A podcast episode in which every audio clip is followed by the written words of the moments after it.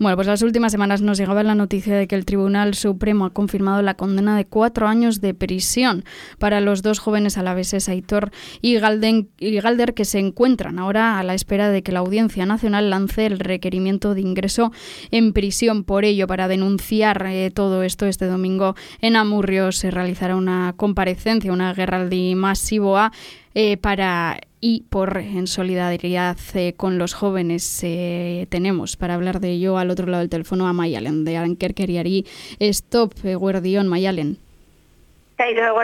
Guardión. Mayalen, ¿cómo recibíais esta, esta noticia tras bueno pues que no haya surtido efecto ese, ese recurso? ¿Cómo recibís la noticia de la condena a cuatro años de prisión?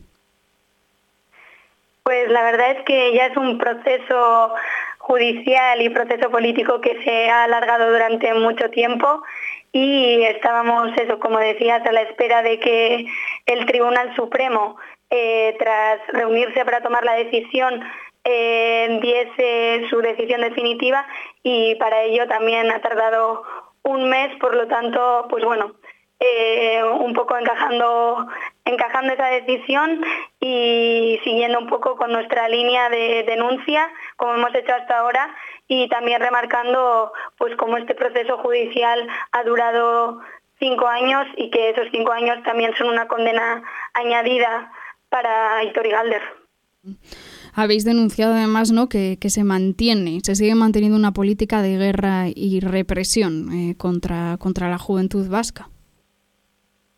Sí, nosotros desde el primer momento eh, lo que hemos puesto encima de la mesa es que parece que hay eh, el Estado español no quiere seguir encadenándonos al pasado con contextos que hoy en día, con el proceso que lleva Euskal Herria eh, de compromiso a, seguir hacia adelante, pues que este tipo de, de casos pues que no, no deberían de tener cabida.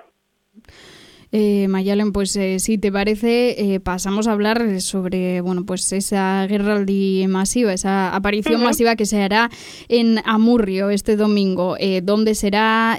¿Cuál es la hora?